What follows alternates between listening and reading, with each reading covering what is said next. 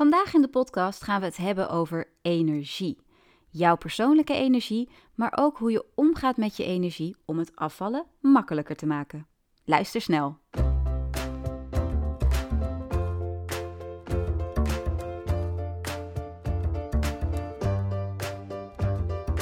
Welkom bij de podcast Afvallen met liefde voor je lijf. Mijn naam is Marieke Frankema. Ik ben musicalartiest, schrijfster en ik heb jarenlange ervaring met afvallen. Pas toen ik transformationeel werk ging doen en leerde hoe het brein werkt, hoe gewoontes werken en hoe je jezelf kunt ondersteunen op het diepste innerlijke niveau, begreep ik waarom gewicht verliezen altijd een gevecht was. En ik elke keer weer terug jojode naar mijn oude lijf. Nu is dat allemaal anders. Geen strijd, geen schuldgevoel en alleen maar een heerlijke flow en goede gezondheid met bijbehorend lichaam. Deze podcast gaat over afvallen vanuit kracht en liefde voor je lijf. Als je aan de binnenkant verandert, zal je buitenkant dat ook doen. Begin vandaag nog. Hallo, wat superleuk dat je weer luistert naar Afvallen met liefde voor je lijf. We gaan het vandaag hebben over energie. En energie is zo groot dat ik zelfs bij het voorbereiden van deze podcast al wist dat ik minstens vier podcasts kan vullen met energie en hoe energie voorkomt en verschillende soorten van energie. Dat ga ik niet doen, of tenminste niet allemaal nu. Ik ga ook niet alles nu bespreken. Ik heb een specifiek stukje gekozen voor vandaag. Um, en we gaan het vandaag dus voornamelijk hebben over jouw persoonlijke energie. Energie zit natuurlijk ook in calorieën, in de energie die jij nodig hebt om te leven. We kunnen het gaan hebben over rust, over de slaap die je nodig hebt om, om ook goed af te vallen en zo. Maar vandaag gaan we het dus hebben over jouw persoonlijke energie. En dan met name de energie die jij gedurende de dag gebruikt om jouw dag door te komen, om alle dingen te doen die jij moet doen en om fijn te leven eigenlijk. Want we hebben die energie nodig om gewoon onze dagen door te komen. Zo simpel is het. Want als jij slecht in je energie zit, slecht in je vel zit, dan merk je dat. En dat merk je ook meteen aan je lijf, aan hoe je je voelt, aan de hoeveelheid honger die je hebt, aan hoe makkelijk het afvallen gaat of hoe makkelijk het is om goed voor jezelf te zorgen. Want als ik bijvoorbeeld weinig energie heb, heb ik ook geen zin om te koken. Heb ik ook geen zin om een half uur mijn groenten te gaan staan snijden of om uh, juist net eventjes die halve minuut langer te besteden aan het maken van iets gezonds dan iets ongezonds. Weet je, als je, als je laag in je energie zit, dan heb je gewoon de neiging om de makkelijkere dingen te pakken, want dat kost je minder energie, want je hebt al zo weinig energie. En daar hebben we de aller, allereerste cyclus al te pakken van onhandig. Op het moment dat jij dus bezig bent met eigenlijk overleven, omdat je zo weinig energie hebt, dan pak je de dingen die eigenlijk niet zo goed zijn voor je energie. Ja, dat is een beetje suf. Ik weet ook niet precies wat dat mechanisme is, maar we pakken dan het makkelijkste. Als jij heel weinig energie hebt en dus heel erg veel honger hebt, dan zegt jouw lichaam: Oké, pak nu datgene wat het makkelijkst energie vrijmaakt. En dat zijn dus de vette dingen, de zoute dingen, de suikerrijke dingen, omdat die snel worden opgenomen. Het punt is dat je dan zoveel daarvan binnenkrijgt dat die eerste energietekort, zeg maar, dat eerste energietekort dat wordt opgelost, dat is minder groot dan alles wat je binnenkrijgt. Dus daar alleen al zit het gevaar in dat je dus meer daarvan eet dan je eigenlijk nodig hebt.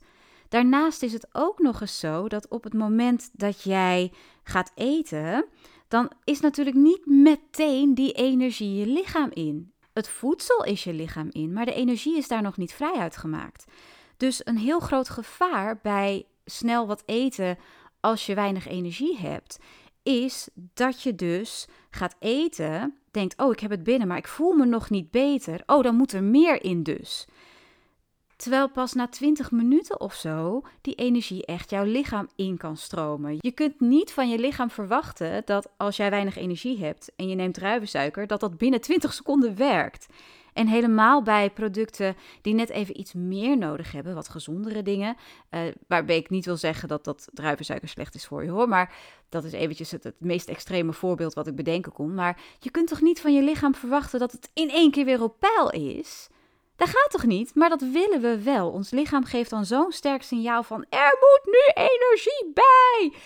dat je dus naar die extreme grijpt, naar die snelle dingen grijpt. En ja, dus misschien ook een beetje de cultuur van ik wil het, ik wil het nu. Dat we meteen denken, oh het werkt niet. Of dat we verwachten dat het meteen moet werken. Maar zo werkt het niet. Als jij moe bent en als jij honger hebt, dan mag je best eventjes jezelf de tijd gunnen om bij te trekken. Het gaat niet binnen vijf minuten. Als jij echt, echt honger hebt, dan is dat niet binnen vijf minuten gestild. Ja, je maag kan gevuld zijn, maar dat energetische tekort, dat is echt niet gevuld met die vijf minuten. Echt niet. En daardoor gaan we dus heel makkelijk overeten. Gaan we heel makkelijk dingen eten die eigenlijk niet goed voor ons zijn. Dus ook hier weer, wat ik vaker zeg: kies wat jouw lichaam ondersteunt. Niet wat jij denkt dat je lichaam ondersteunt, niet die snelle quick fix, maar het echte ondersteunen. En hoe erg is het om een paar minuutjes langer te moeten wachten? Ja, ik snap dat je reptiele brein echt moord en brand schreeuwt en denkt: we gaan dood! Doe iets nu! Maar is dat echt waar? Nee. Wat zou er veranderen als jij jezelf eens wat vaker de tijd geeft? Als je jezelf wat vaker de kans geeft om op een goede manier te herstellen, om op een fijne manier te herstellen. Wat zou dat je opleveren als je niet alleen maar door de dag heen jaagt en dingen nu, meteen, moet? Wat zou het opleveren als je de tijd neemt? Als je trouw bent aan je lichaam en de processen in je lichaam. Weet je, wij zijn niet machines wat dat betreft. We kunnen wel een knopje omzetten, maar dat betekent niet dat meteen de hele flow in ons systeem compleet de andere kant op draait dat heeft gewoon eventjes tijd nodig. Gun jij jezelf die tijd? Gun jij het jezelf om die energiestroom op een natuurlijke manier te managen? Of ben je zo'n control freak die meteen alles perfect in orde moet hebben en die zichzelf geen tijd gunt? En als jij je lichaam geen tijd gunt en dus ook niet open staat voor de behoeften van jouw lichaam, wat doet dat met je afvalproces? Ah, goede vraag hè? Dus wat zou er mogelijk zijn voor jou als je weet dat energie zo werkt, dat die tekorten die jij ervaart, dus ook gewoon eventjes de tijd nodig hebben om weer te herstellen? Want ze komen ook niet in één keer hè? Die honger is echt niet van het een op het andere moment. Dus we willen heel graag een soort start, stop, rennen, hollen, stilstaan dat idee is waar, waar we vaak mee leven, energetisch ook. Maar zo werkt het niet. Er zit een flow in je leven. Er zit een flow in jouw ritme. Er zit, het is een golfbeweging. Het, het is vloeiend. Het is niet direct. Het is niet één op één ram, bam, tak, tak. Dat kan wel zo voelen, maar dat is niet zo. Het is echt zo'n zo'n golfbeweging en niet rechte lijnen omhoog, rechte lijnen horizontaal. Een rechte lijn in je lichaam bestaat niet. Volgens mij is het niet mogelijk om echt perfect recht te zijn. En dat is dus energetisch ook zo. Jouw lichaam heeft flow. Jouw lichaam heeft, heeft lijnen, heeft, heeft bochten, heeft, ja, heeft die golfbeweging. Ik kan het ook niet beter zeggen dan dat.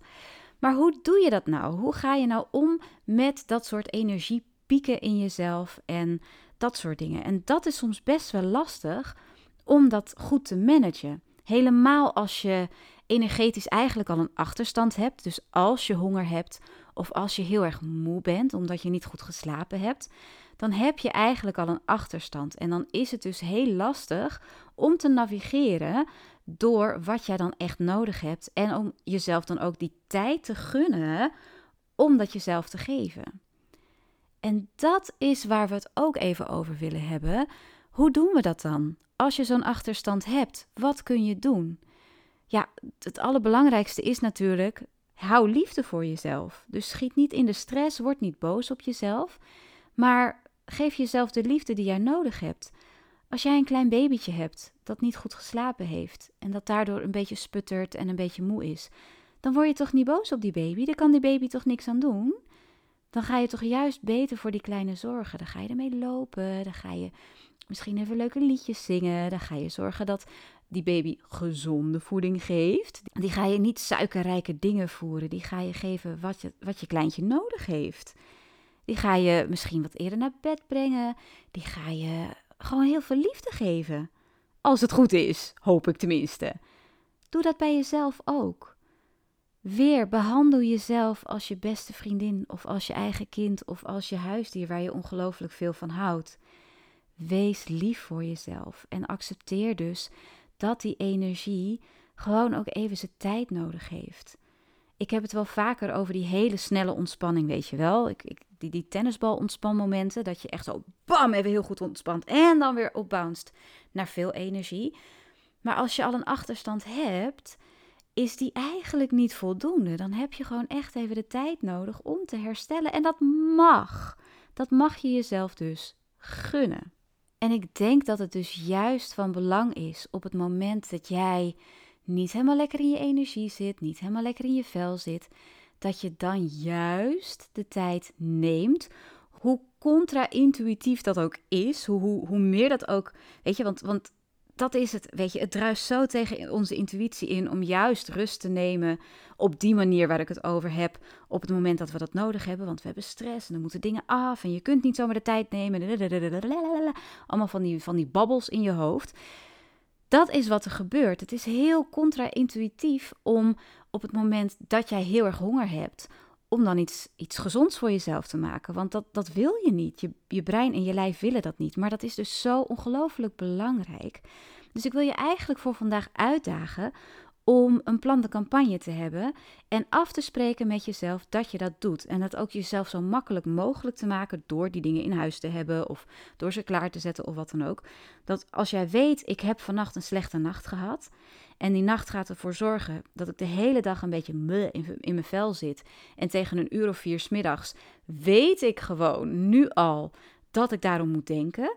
Dat je bijvoorbeeld ochtends al iets klaarzet. Dat je bijvoorbeeld ehm, ik zeg maar wat, dat je overnight oats maakt, maar dan niet overnight, maar overday, zodat je om een uur of vier middags, als je echt die knetterende energiedip hebt, dat je dan die kunt pakken en je niet hoeft te vergrijpen aan een Snickers of aan een pak chips of wat dan ook. Weet je, zorg ervoor dat je jezelf klaarzet voor succes. En als jij weet hoe jij werkt, gebruik dat dan. Ga dan doen wat jij nodig hebt en maak het jezelf zo makkelijk mogelijk. En ja, ik weet dat bij sommige mensen nu een soort van kippenvel verschijnt. En je wil ook niet dat het een self-fulfilling prophecy wordt. Je wilt natuurlijk niet dat je slecht slaapt en dat je dan al denkt: oh, het gaat mis vandaag. Waardoor het dus ook misgaat. Het is ingewikkelde materie dit. Maar je kunt wel ervoor zorgen dat je jezelf zo goed mogelijk klaarzet voor dat succes. Door alvast een beetje vooruit te denken. Zonder dat je uh, jezelf een doemscenario aanpraat, kun je wel zeggen: Oké, de kans is groot dat ik vandaag om een uur of vier last hiervan krijg. Oké, wat kan ik nu vast doen, nu ik nog redelijk in mijn energie zit, om mezelf te ondersteunen hierin? Dus ga jezelf ook niet om je oren slaan met je eigen vooroordelen of wat dan ook. Word er ook niet bang voor. Ik bedoel, voor hetzelfde geld um, is alleen al die handeling van het klaarzetten van iets gezonds voor jezelf iets wat jou rust geeft, wat jou een fijn gevoel geeft, waardoor je veel minder energie dipt dan je, dan je dacht.